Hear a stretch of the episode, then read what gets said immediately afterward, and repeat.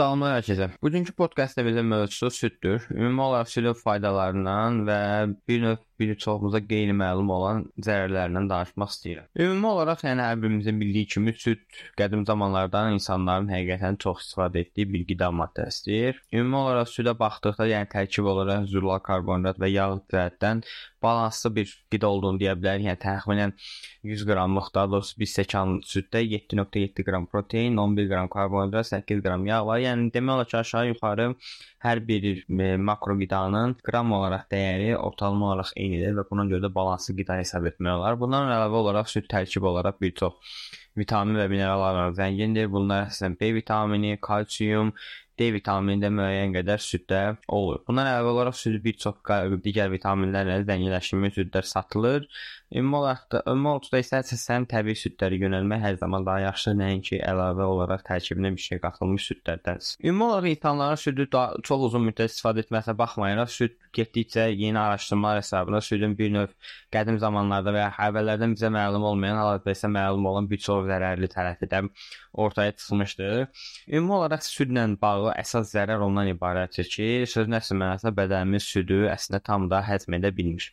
Hansı ki, burada əsas səbəb laktozdur. Hansı bu da bir şəkər növüdür. Karbonhidrat o var südün tərkibində və buna görə laktoz var, şəkər. E, və bu şəkəri bir növ demək olar ki, dünya əhalisinin çox böyük bir hissəsi, hardasa 60-80% bunun bir növ mədəsi bunu laktozu normal olaraq həzm edə bilmir və bu normal olaraq həzm etmədiyi üçün bədənimizdə bir sıra problemlər əmələ gəlir. Bunlar əsasən məsəl üçün sızanaqlardır. Hansı ki, sızanaqlar çox zaman elə mədə bağırsaqla əlaqəli olur. Yəni əgər mədə bağırsağımızda problem varsa ümumi olaraq qidalanmamızda problem varsa, böyük ehtimalla üzümüzdə və ya bədənimizin bir çox hissəsində sızanaqlara rast gəlmək mümkündür. Bundan başqa südün digər də bir çox zərəri vardır. Söz ki, bunlar ehtimaldır. Çünki burada belə bir şey var ki, süd e, bu elə bir qidadır ki, həqiqətən də tam olaraq zərərli və tam olaraq zərərli qida olaraq saymaq və ya da tam olaraq xeyirli qida saymaq baya faydalı tam da olmur. Biraz qeyri-mümkündür. Bir çox araşdırmalar yenə də aparılır və buna görə də əslində bir çox insanlar hələ də tam da şey eləyə bilmirlər ki, süd faydalıdır qida olaraq qəbul edək, yoxsa zərərli qida olaraq qəbul edək. Sözsüz ki, burada individuallıq da əsas rol oynayır. Yəni bəzilərimiz üçün bəlkə də faydalı ola bilər, amma bəzilərimiz üçün isə tamamilə zərərli qida. Bundan əvvəl olaraqsa süd dediyim kimi e, həzm etməkdə problem yaşanılır deyə bu bir çox zamanlarda qarında şişkinlik, ürək bulanması, qusma kimi xoşagəlməz təsirlərə qədər vara biləcək e, mənfi təsirləri ola bilər.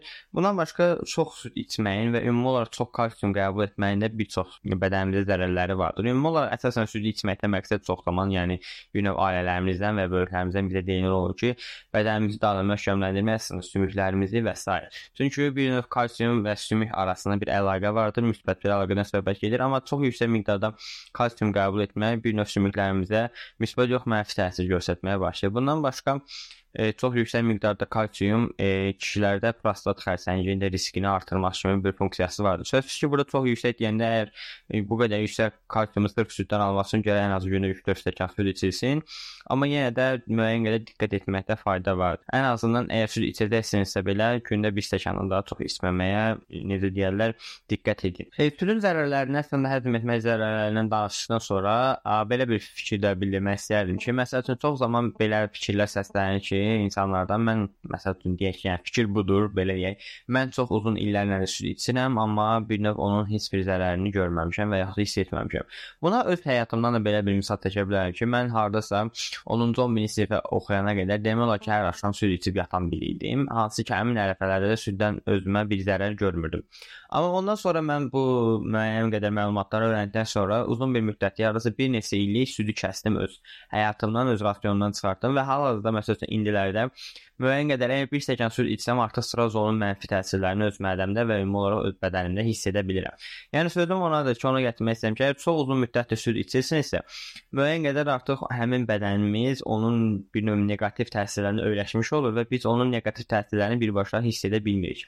Buna görə əgər südün həqiqətən sizə zərərli və yaxud da faydalı olduğunu bilmək üçün məndən deyə bilərəm ki, məsləhət olaraq müəyyən bir müddətli, amma ən azından məsələn bir, bir aylıq heç qətiyyən süd və süd məhsulları istifadə etməyin və ondan sonra bir gün e, dərhal süd və süd məhsulları istifadə etməyə başlayın və müəyyən qədər müşahidə edin görə artıq sizin bədəninizdə hər hansı bir neqativ hal baş verəcəkmi yoxsa. Əsasən bu neqativ hal böyük ehtimalla ilk təsiri e, mədə bağırsaq olacaqdır. Yəni qarın ağrısına qədər gedə biləcək neqativ təsirlər görə bilərsiniz həyatınız. A, gündəlik həyatını bir kənara qoysaq, bəs ümumi olaraq idmanla məşğul olan insanlar üçün, idmanla məşğul olan insanlar üçün danışsaq, ümumiyyətlə süd ümumi olaraq süd və süd məhsulları isə qətiyyən idmansız, qidası tam olaraq sayılmır. İndi burada belə bir sual yarana bilər ki, bəs whey proteinlər Söz ki, whey proteinlər də bildiyimiz kimi süddən, daha doğrusu pendiraltı suyundan hazırlanır, hansı ki, süd məhsuludur bir növ.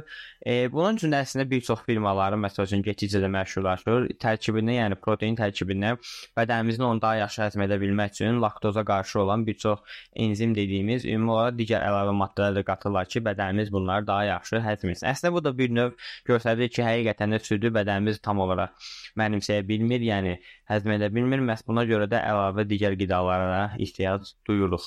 Daha doğrusu mədəmiz ehtiyac duyur və bunu da bir növ şirkətlər bilir və öz necə deyirlər, məhsullarını daha ön plana çəkə bilmək üçün bu tip şeylərdən də istifadə etməyə çalışırlar. Bəs ümumi olaraq südü nə ilə əvəz edə bilərik deyə soruşsanızsa, bir çox bitki qida bitkilərin artıq bitki mənşəli süddə də getsə məşhurlaşır. Düzdür, qiymətləri açsa normal südə görə qat-qat daha bahadır əsasən də ölkəmizdə.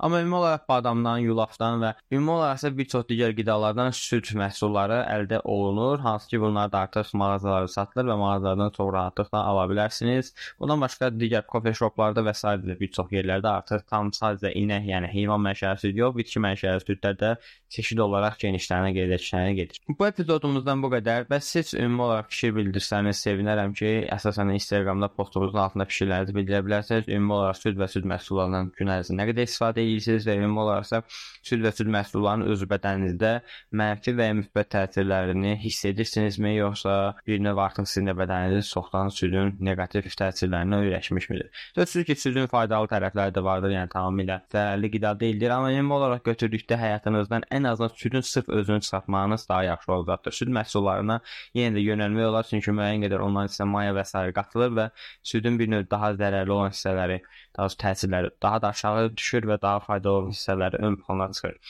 Görüşmək ümidi ilə hələlik özünüzə yaxşı baxın.